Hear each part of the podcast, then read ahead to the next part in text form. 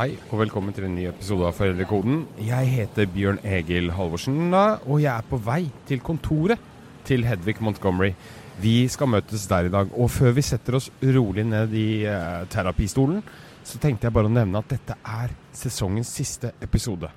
Totalt har vi nå spilt inn over 25, og hvis ikke du allerede vet det, så ligger alle tilgjengelig i f.eks. iTunes podcast-app eller Spotify. Du kan eh, søke opp foreldrekoden der, og så kan du lytte deg gjennom time på time med gode råd om barneoppdragelse. Trykker du 'abonner' også, så kommer fremtidige episoder inn i din feed. Ja, nå er jeg snart framme hos Hedvig. Vi er straks tilbake.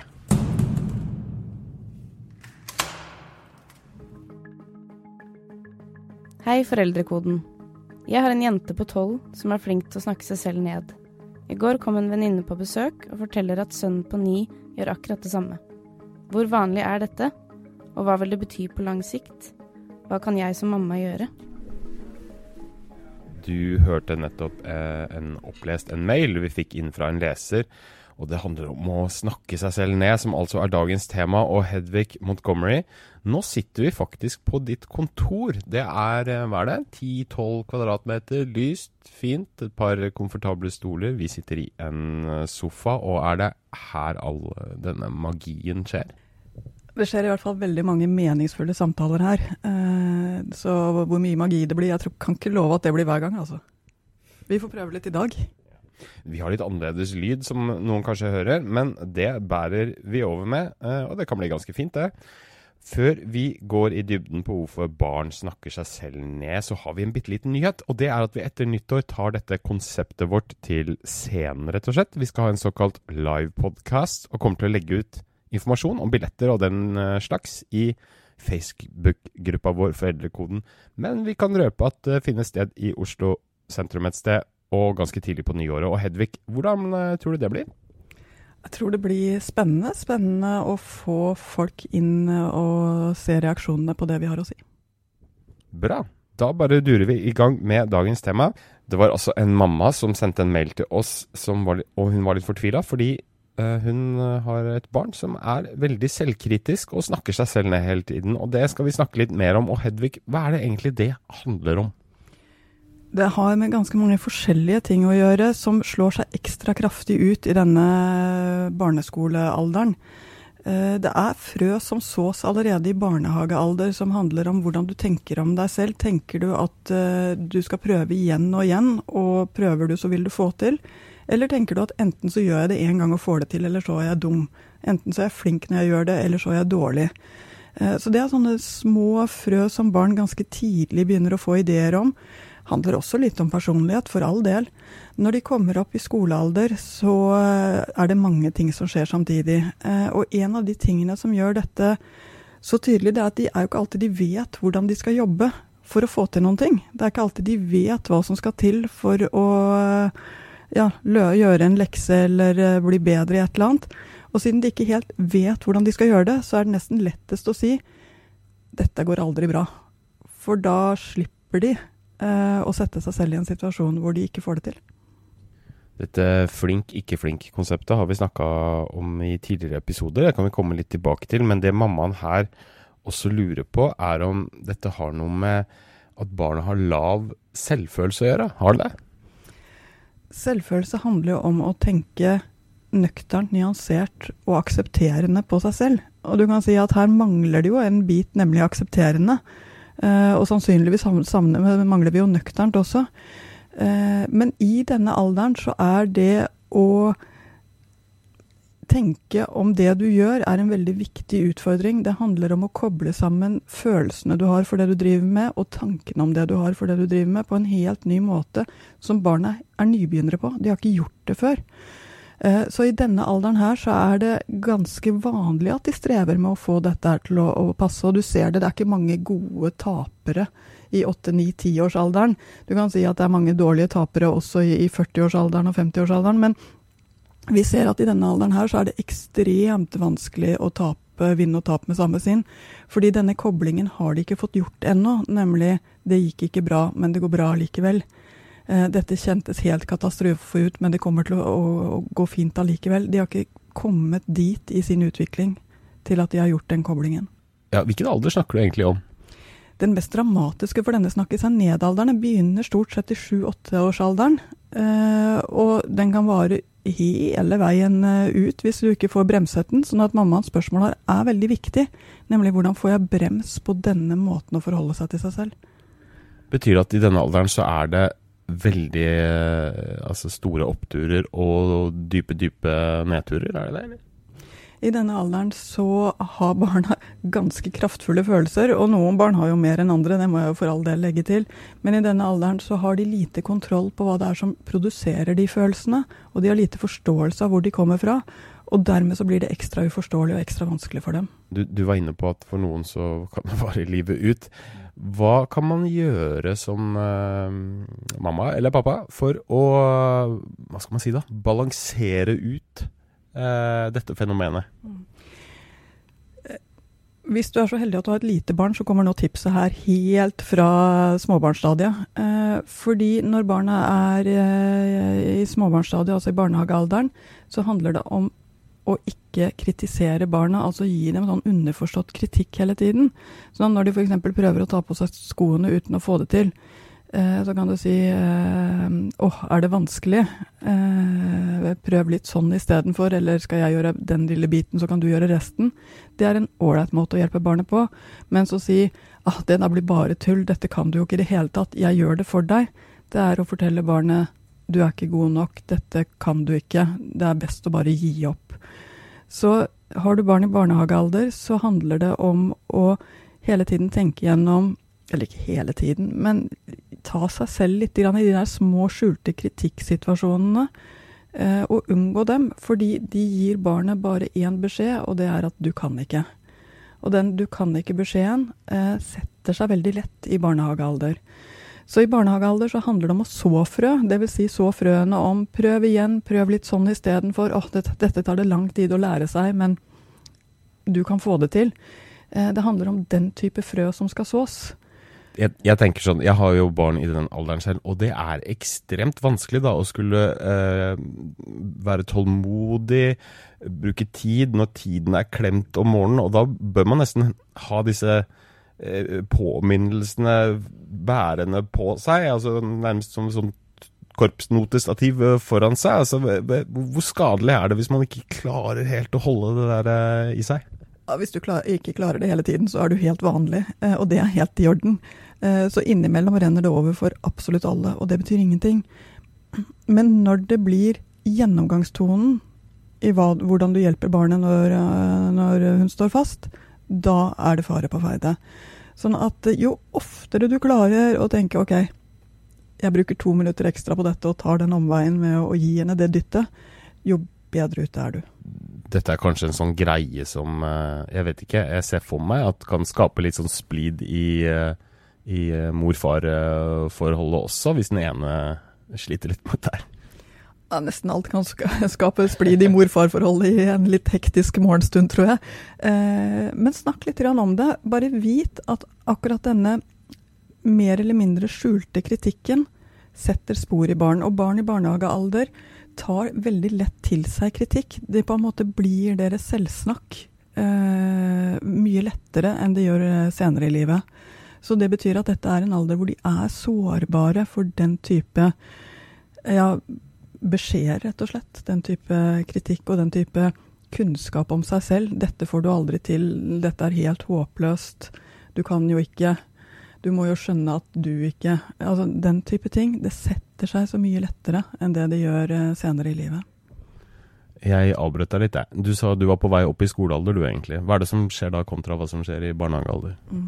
I skolealder så får barna et nytt blikk på seg selv. De begynner å tenke på øh, hvordan det er Altså hva, det er, hvordan det er og ser ut når de lykkes eller mislykkes. Dvs. Si at de ser seg selv fra utsiden på en ny måte. Det er ikke bare deres indre opplevelse.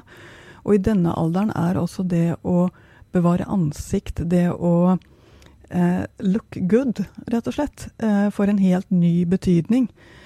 Eh, og det betyr at de vil prøve mest mulig å sette seg selv i situasjoner where they look good, altså hvor de får det til. Og det er vanskelig i en alder hvor de også skal lære seg masse nytt, gjøre massevis av ting som de ikke får til på første forsøk. Nå har vi én god nyhet her, og det er at hjernen er konstruert for læring i denne alderen. Så de lærer lett, de lærer mye, men de trenger mye repetisjon. De trenger at ting gjentas mange ganger. Og sånn ser faktisk også skoleløpet ut. Ser du på pensum på barneskolen, så, så, kommer man tilbake til det samme igjen og igjen. Og det er fordi barna trenger det for at det skal sette seg, og for at de skal få det til. Så kommer problemet at hvis du ikke vil mislykkes, så er jo en, en strategi for å unngå å mislykkes som barn ganske fort eh, oppdager, det er at den enkleste måten å unngå å mislykkes på, det er bare å legge ribba lavt nok. Rett og slett ikke måtte hoppe så høyt. Da river du ikke. Eh, så mange barn velger denne her. De sier 'det får jeg aldri til', det er ikke noe vits i å prøve. Eh, og det er rett og slett en måte å slippe å havne i, i, en helt håpløs situasjon hvor alle ser på deg, og du er den som ikke har fått det til. Eh, så i denne alderen her så er det usedvanlig viktig å ha en stor tålmodighet med at læring tar tid. At dette må vi bare gjøre igjen. Og jeg skjønner, klart du ikke kan det ennå. Ingen på din alder kan det ennå. Vi bare gjør det en gang til. Det, det er litt mantra det skal gå i. Og her skjønner du hvor lett det er, altså apropos mor og far og lekser. Når vi putter lekser inn i mamma og pappa-miksen her, mamma og pappa-barn-miksen, så kan det bli ganske eksplosivt. Det blir det i mange hjem også. Eh, barnet sitter der igjen og kåler med gangetabellen. Det kan få foreldrene til å gå fullstendig eh, i, i vranglås. Og kan få selv den mest uh, sindige pappa til å utbryte at du er jo helt hjerneskadet, eller helt andre ting som er Fordi det er lett å si de virkelig dumme tingene i denne type situasjoner, som igjen gjør at barnet helt mister motet. Uh, og særlig hvis man har litt utålmodig gen i tillegg. Men, men uh, hva, hvordan skal man da angripe det? Og oppmuntre til å prøve. Gjør det igjen.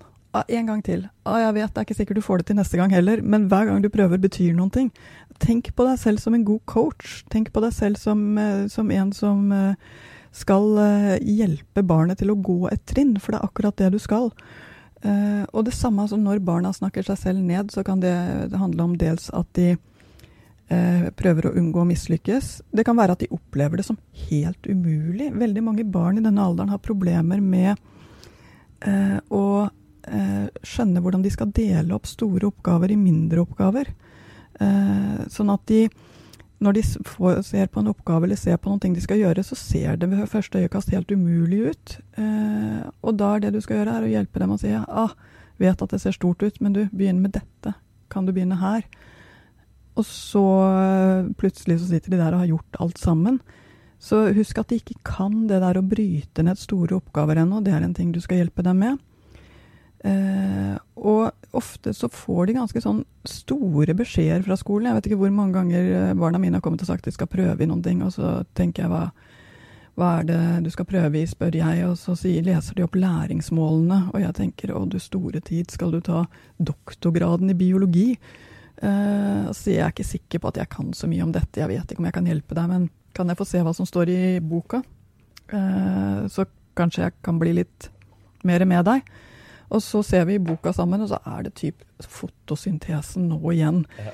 Uh, så jeg tror nok at, uh, at, vi må De blir litt pepra med de store beskjedene og de store mål, målene og de store ordene, hvor de har veldig behov for at du klarer å si Men du, vi begynner her. Og så viser det seg at det er dit du skal, og dit kommer vi det er vel et lag til når man kommer opp i skolealderen, og det er det som handler om det generelle opplevde presset, kanskje. Altså, jeg, jeg var i kontakt med en, eh, en, lærer som snakket om dette her. Hun har også observert dette her at veldig mange drev og snakka seg ned.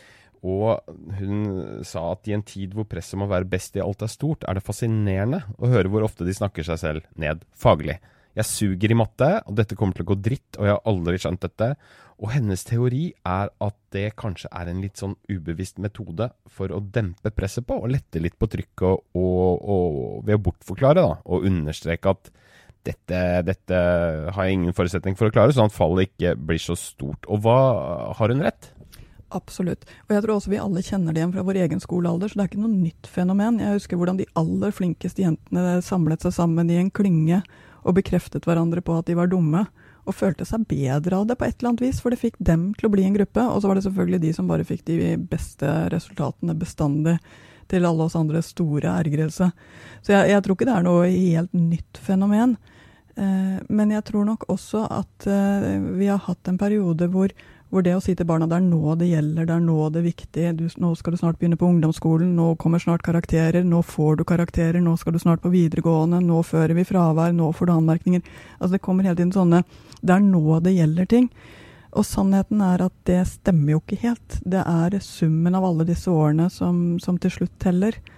Eh, så vi har nok gjort barna en bjørnetjeneste ved å ønske at de her og nå skal være fantastiske. Vi ønsker jo at de skal bli fantastiske. Og det er på mange måter den bevegelsen også vi hele tiden skal vise barna. Du blir det beste du kan hvis du går disse skrittene, og jeg går dem sammen med deg.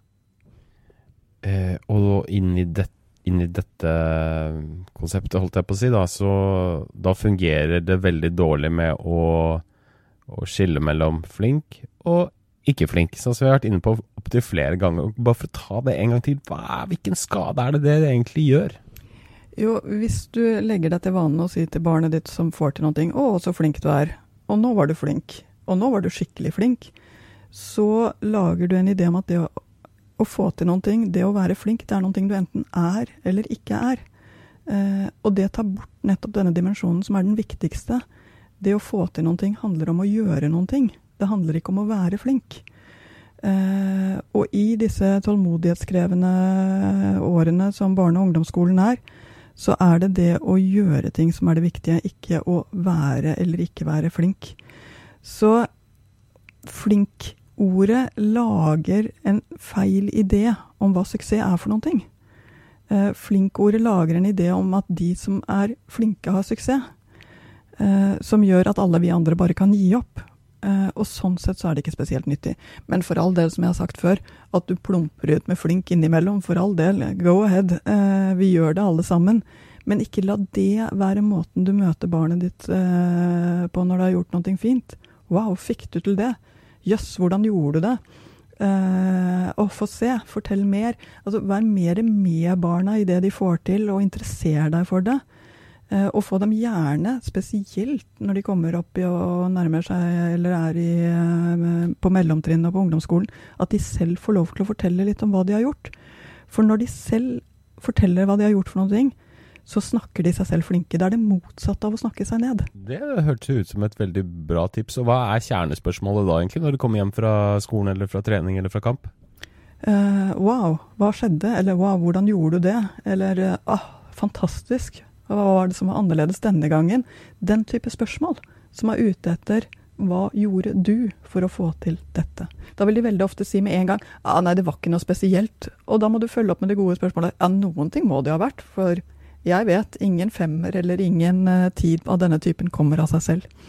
Jeg eh, for min egen del uh, tror at jeg har holdt på med litt sånn hele livet. Og underdrive egne prestasjoner og egenskaper, og alltid har en sånn stemme i hodet som sier nei, dette, dette klarer du ikke, dette, dette tør du ikke, uh, du er ikke, dette kan du ikke. Og jeg er veldig usikker på om det på noe tidspunkt har vært mulig å endre på. Jeg føler at det er bare sånn jeg er. At det er en del av personligheten. Er jeg inne på noe der, eller er det helt på jordet? Altså første må Jeg bare si, jeg kjenner jo ingen jeg syns er så enestående som deg, og du avslutter hvert møte med å si 'nå rotet jeg spesielt mye'.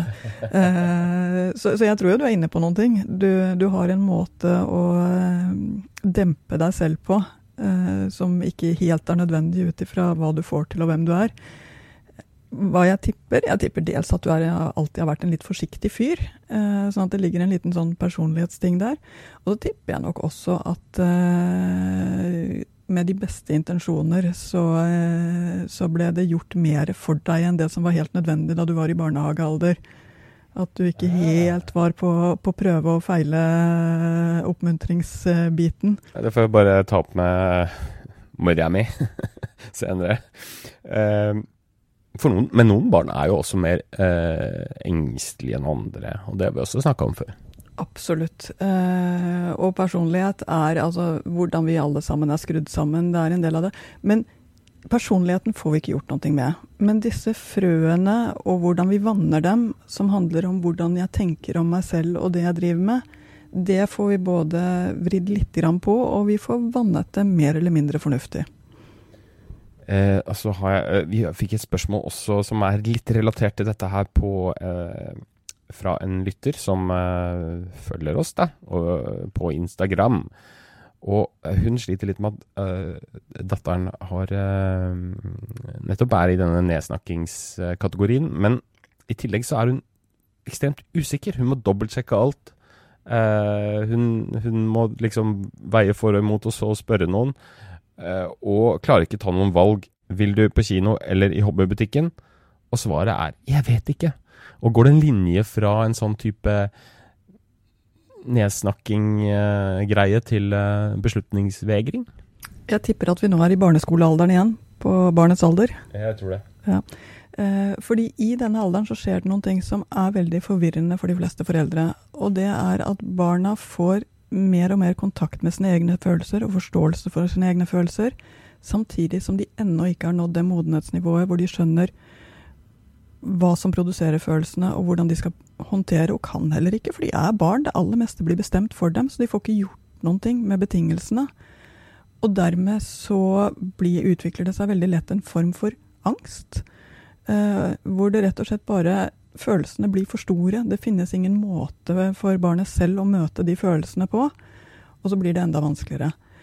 Eh, og det er klart, da får du beslutningsvegring. Altså Når det kjennes ut som et valg blir en katastrofe. Eh, hvis jeg velger bort kino, så kommer jeg til å angre resten av livet. Det er en klassisk tiåringstenkemåte.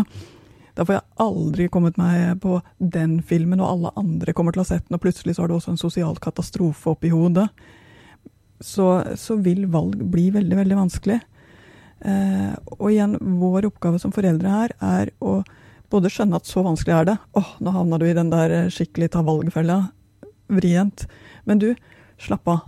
Begge valgene er fine valg. Eh, begge valgene kommer til å gi deg noen ting som du kommer til å trives med. Og hvis du bare kjenner etter, hva faller først på tunga, hva har du aller mest lyst til hvis du skulle svare her nå? Du må rett og slett hjelpe dem litt til å dempe katastrofeforståelsen. Men skal man ikke skjære, ikke skjære gjennom og si OK, da gjør vi det?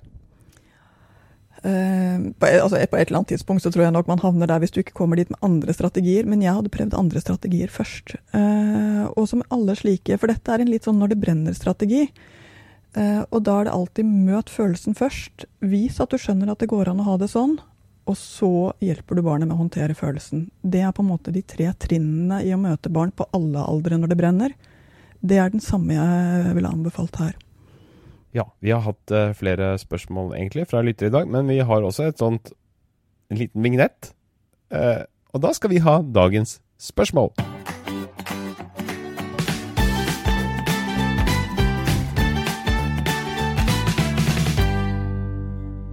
Og denne uka kommer det fra mamma Mari, som sier følgende på avdelingen til sønnen min, vi er altså i barnehagen her, er det et par skikkelig bråkebøtter av noen unger er det én positivt, for da lærer min sønn hvordan verden er der ute, altså et uh, bråkete sted, eller to negativt, for da blir han en bråkebøtte sjæl. Hva vil du svare, Mari? Det er et veldig veldig godt spørsmål, og jeg tror mange foreldre har kjent på dette. Den sånn raske magerefleksen vår er jo å beskytte barnet vårt mot alt som er vondt. Dvs. Si at vi vil ha ut de bråkebarna. Så vil jeg si om det er en bra eller dårlig ting med disse barna, avhenger av én ting, og det er hvordan de voksne i barnehagen håndterer situasjonen. For hvis de klarer å håndtere disse bråkebøttene sånn at de finner sin plass, får dempet seg, kommer i lek, kommer i kontakt, så er det kjempefint for de andre barna. For da viser man de andre barna sånne ting kan håndteres, det er plass for all slags barn. Får du et eller annet som blir utafor, så kommer, også, kommer vi til å klare å håndtere det også. Da er det en kjempefordel. Men hvis de voksne ikke klarer å håndtere denne situasjonen, de som er bråkete fortsetter å være plagsomme for de andre, så vil det over tid bare bli belastende. Da blir det som å være på en dårlig arbeidsplass.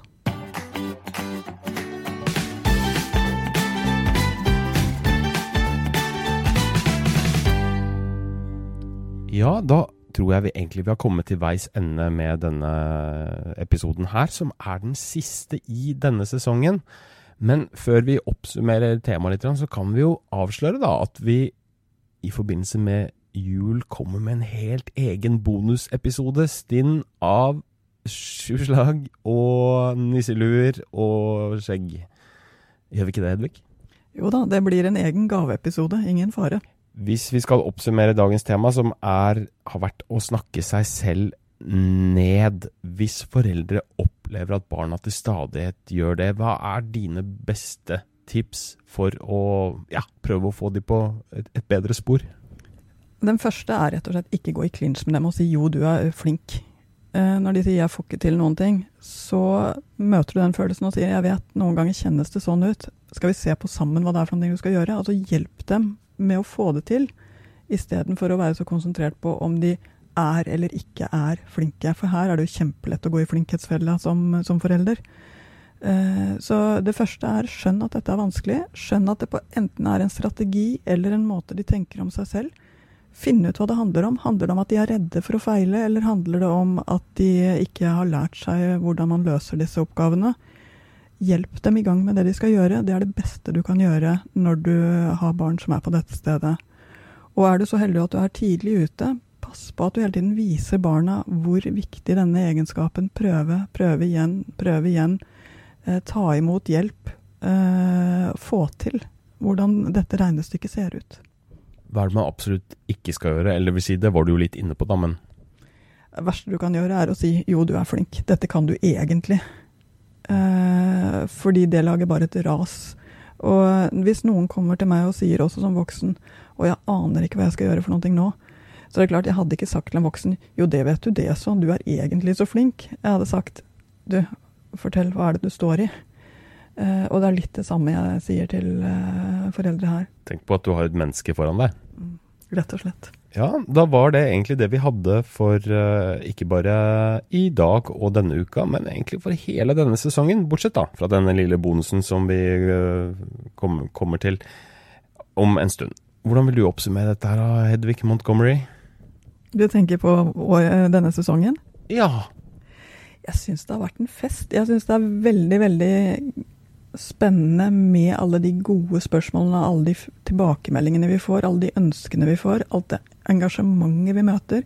Fy fader, så mange fine foreldre det er som hører på Foreldrekoden, og så heldige vi er som får lov til å være sammen med dere. Helt enig. Og da tror jeg egentlig vi bare sier én, to, tre og Takk for denne sesongen. Og ha det bra.